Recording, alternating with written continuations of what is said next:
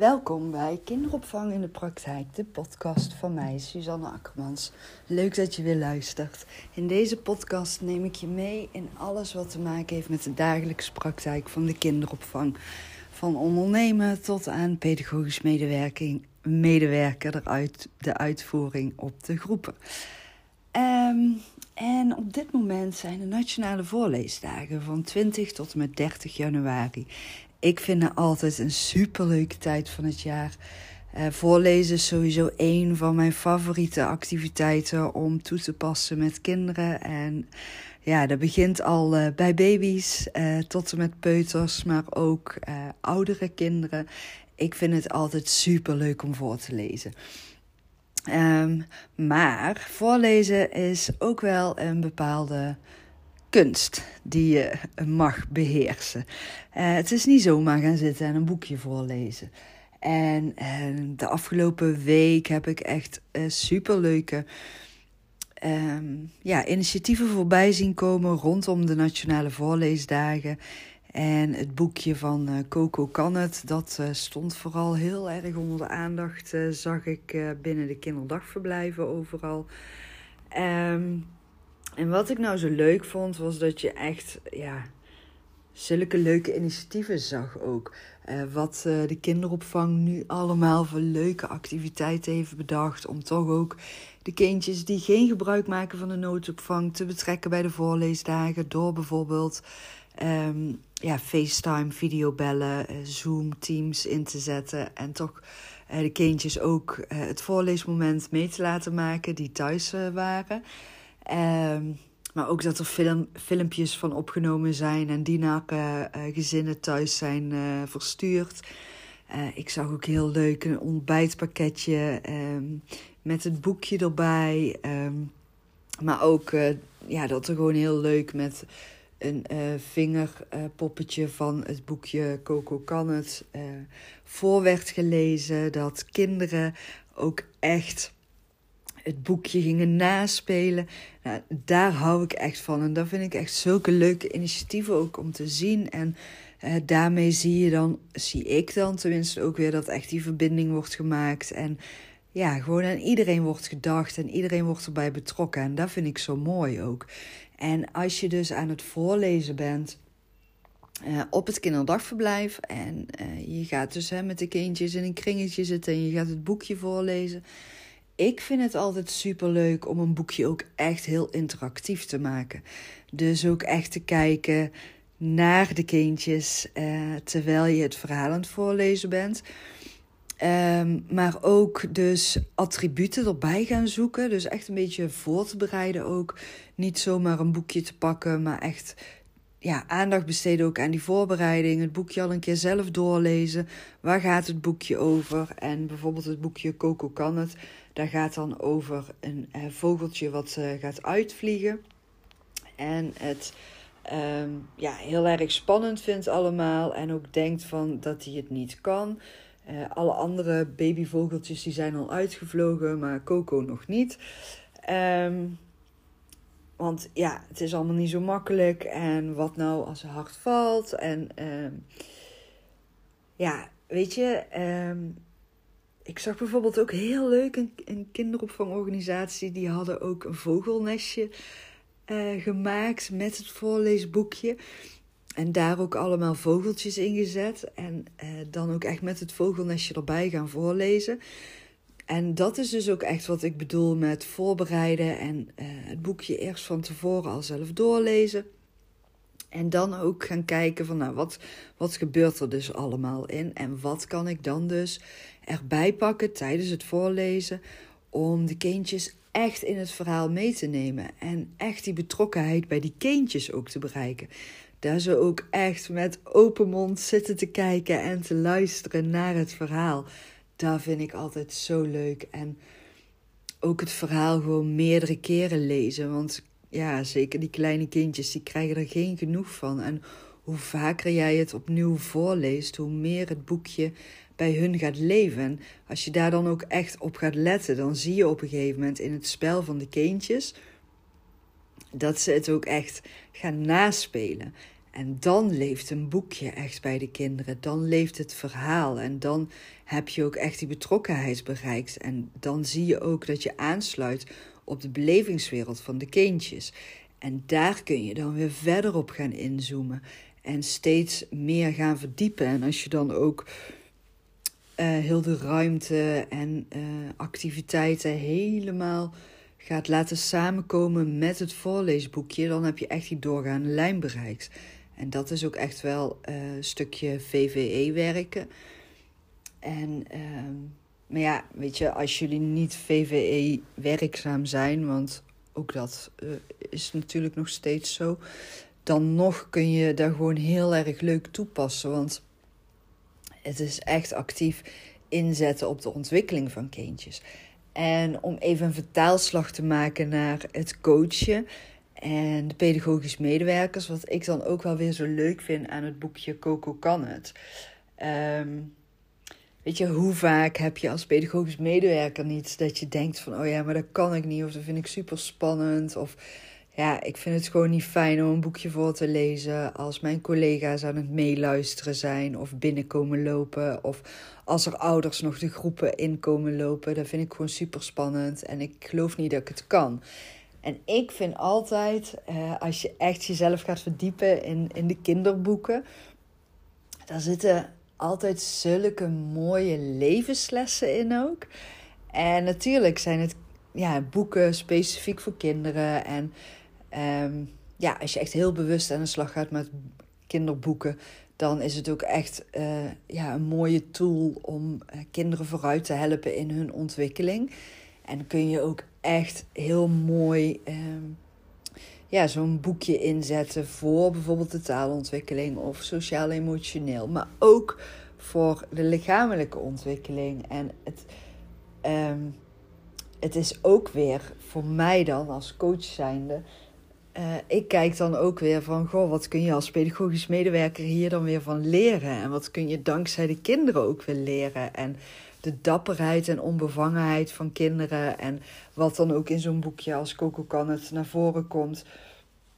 Uh, ja, weet je, je eigen vleugels uitslaan en in jezelf geloven. En uh, dat je meestal gewoon, als je die moed verzamelt om wel iets te gaan doen wat je zo spannend vindt, dat je dan vaak ook ontdekt dat je gewoon veel meer kunt dan dat je van tevoren denkt. En um, ja, dat vind ik dan ook weer het mooie aan dit boekje van Coco Kan het. Uh, als je dat dan als pedagogisch medewerker naar jezelf vertaalt. Stel, uh, jij, bent, uh, je hebt de opleiding tot pedagogisch coach gevolgd. En je mag nou gaan coachen. En ja, je vindt het gewoon super spannend. Want het zijn allemaal je eigen collega's waar je jarenlang mee hebt samengewerkt en nog steeds mee samenwerkt. En dan heb je wel dat diploma, maar dan kan je nog steeds soms denken van oh, ik kan dat niet en ik durf het niet. En dan durf je je vleugels nog niet uit te slaan en te laten zien welke talenten jij in jezelf hebt voor het coachen. Terwijl als je dan dit boekje kijkt van Coco Kan het, wat kun je daar dan zelf weer als volwassene van leren? En ehm, ook weer kijken naar van oké, uh, een kindje is eh, dapper genoeg en moedig genoeg om iedere keer weer met vallen en opstaan nieuwe dingen te leren en te gaan ontdekken. En weet je, die, die kleine kindjes van baby af aan, ze gaan op een gegeven moment ja, ontdekken dat ze kunnen gaan omrollen, gaan optrekken, uh, gaan kruipen, gaan zitten en gaan staan en gaan lopen. En dat gaat ook niet zonder slag of stoot. Dan vallen ze ook tien keer. En ze staan iedere keer weer op. En hoe reageer je daar dan weer op als pedagogisch medewerker? Meestal zeg je dan ook van, oh is het niet erg, of heb je pijn gedaan, een kus erop, een knuffel. En kom maar, we gaan weer door. En je geeft een kindje altijd weer die aanmoediging. En je gaat ook applaudisseren en juichen als een kindje wel, weet je wel, echt die vijf of tien stappen gaat zetten zonder te vallen. En dat vind ik altijd het mooie als je kijkt naar volwassenen en kinderen. Ehm, je bent heel erg enthousiast en open en vrij aan het reageren. En altijd vanuit het positieve, complimenten. En als we dan als volwassenen moedig genoeg zijn om nieuwe stappen te gaan zetten in ons leven of in onze carrière. En we zijn moedig genoeg om onze vleugels uit te slaan dan kun je soms echt het gevoel hebben dat je een soort van klein wordt gehouden of terug wordt gefloten door de omgeving. Of dat je reacties krijgt van ja, wie denk jij nou wel niet dat jij bent? Of dat je dat ook tegen jezelf zegt. Hè? Want soort van de reis van kind naar volwassene, ja, gaan we ook op een gegeven moment soort van negatieve, belemmerende gedachten in onze eigen mindset vastzetten, waardoor we dan ook tegen onszelf gaan zeggen: Ja, wie denk ik nou wel niet dat ik ben? Ik kan dat niet, ik durf dat niet. Waarom zou ik dit uh, goed kunnen doen? Waarom zou ik hier de beste in zijn? Hoezo ben ik nou ineens bevoegd om leidinggevende besluiten te nemen? En hoe gaat de omgeving daarop reageren? Terwijl als je dan weer terugkijkt naar kinderen, dan die denken nog helemaal niet zo. En die gaan het allemaal ervaren. En dan staan we als volwassenen nou ja, in, de, in, de, in de positieve uh, situaties natuurlijk. Dan staan we ook allemaal te juichen en te applaudisseren. En dat vind ik zo mooi. Dat is ook zo. Dat werkt ook zo goed en stimulerend voor de kinderen. En ja, ik denk dat we ook heel veel kunnen leren van die kinderen. En ook van de prentenboeken van de kinderen. En hoe mooi en hoe leuk zou het zijn als we als volwassenen gaan applaudisseren voor elkaar als we eens een keer iets goeds doen. In plaats van te gaan zeggen van jeetje, moet je haar zien. Zij moet ook weer zo nodig. Of uh, nou, wie denkt zij wel dat ze is? Of nou ja, ze had beter gewoon op de groep kunnen blijven werken. Nou, zij kan echt geen leiding geven. Oh, nou, ik vind haar echt een waardeloze coach. Weet je, dat vind ik zo, ja. Dan denk ik altijd, nou, doe het dan fijn zelf. Als je het allemaal beter weet. Toch? dus, uh, nou ja, die, die kinder- of die uh, voor, nationale voorleesdagen. Uh, ik vind het altijd heel leuk om dan niet alleen maar te kijken van oké, welke boeken uh, zijn er. Uh, maar wat is ook de boodschap uit het boek? Uh, hoe kunnen we het boek ook echt interactief naar de kindjes toe vertalen? Um, en hoe kan je het ook weer naar jezelf vertalen? En um, ja, je eigen persoonlijke ontwikkelingsreis. En wat kun je leren uit de kinderboeken die we voorlezen aan de kleine kinderen? En ik zag ook nog een ander uh, supermooi uh, boek. Met een enorme mooie uh, ja, levensles ook wel. De jongen, de mol, de vos en het paard. Van Charlie Mackesy. Ik weet niet of ik het goed uitspreek. Maar uh, dat boek dat gaat dan ook weer um, over uh, vriendschap, liefde en jezelf zijn. En wat wil je worden als je later groot bent.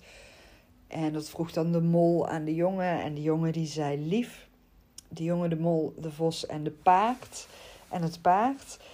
Um, ja, is een moderne fabel voor jong en oud. Um, met enorm veel tekeningen. En ook echt uh, ja, een beetje poëtisch, zeg je dat zo? Ja, volgens mij wel. En uh, wordt vooral het verhaal verteld van een bijzondere vriendschap tussen een jongen en drie dieren. En de universele lessen die ze samen leren zijn stuk voor stuk levenswijsheden. Ja, daar hou ik echt van. en um, ja, het is gewoon echt ook weer kijken naar um, het leven en um, ik denk ook niet, of ja, ik vind het dan niet echt een boek om. Um, um, het, is, het is meer een. een uh, ja, ik zou het meer voor mezelf gebruiken. Of ik zou het boek meer gebruiken als uh, zijnde van um, elementen eruit halen. Uh, zoals bijvoorbeeld hè, de jongen, de paard, het paard, de mol.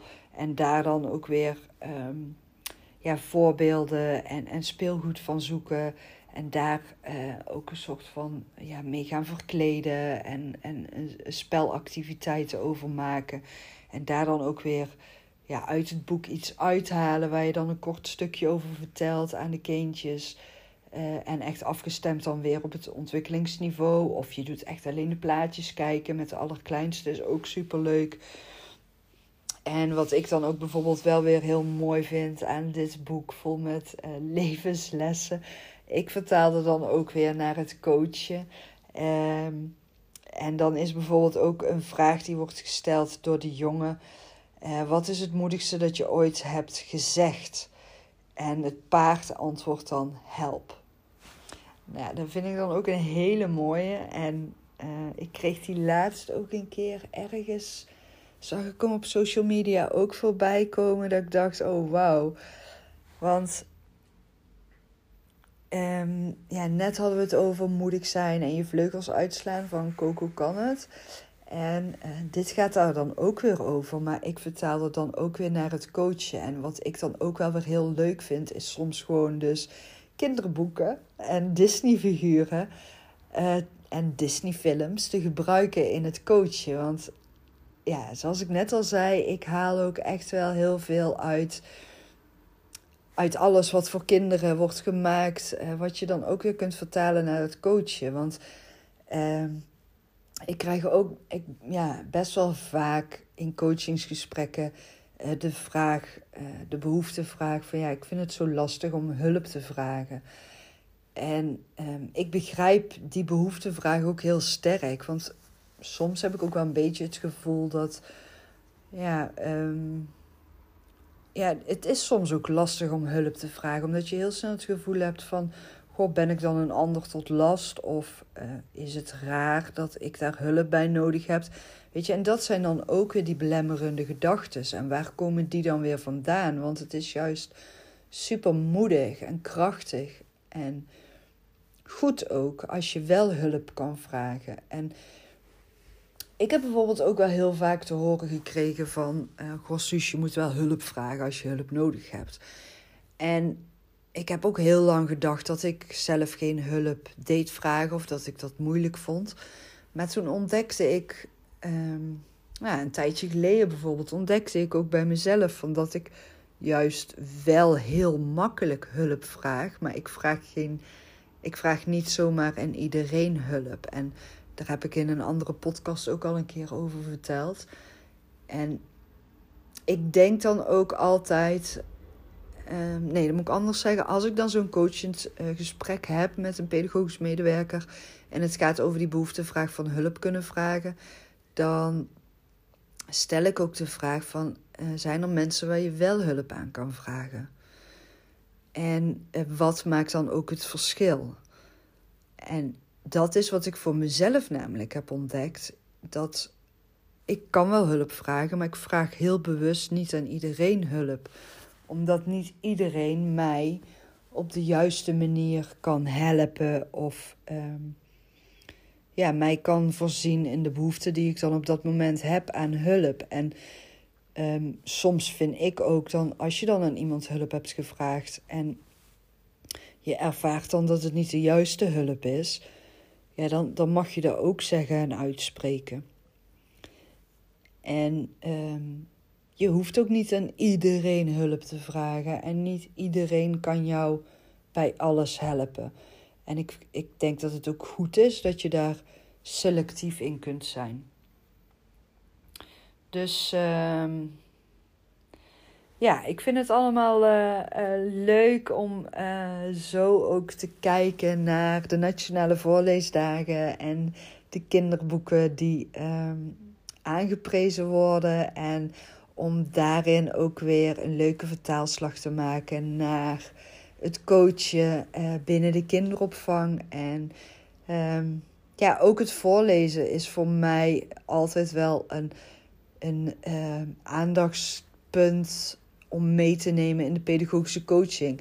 Als ik merk dat daar behoefte aan is, of als ik signaleer dat daar nog een mooie uh, ontwikkeling uh, en groei in te behalen valt.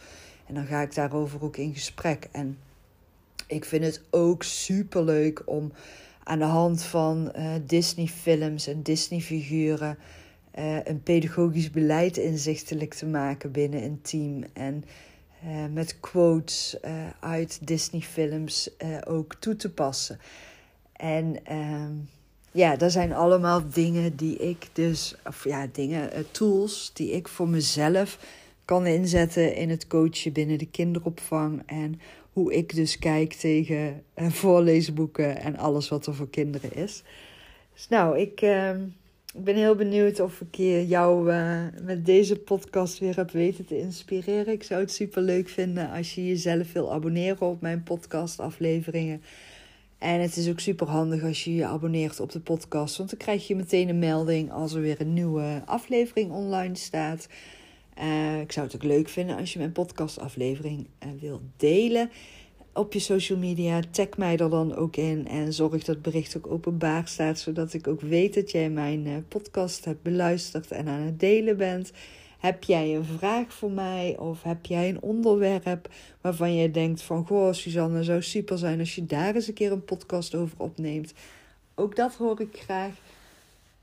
En um, nou ja, ik heb uh, verder uh, een website waar je ook een kijkje op kan nemen. En social media um, kan je mij opvolgen. Gewoon Suzanne coaching en advies kinderopvang. Gewoon Suzanne Expert. Suzanne Akkermans met SUS. Als je daarop zoekt, dan kom je bij mij uit. En als je een review wil achterlaten voor mijn podcast, zou ik ook super tof vinden.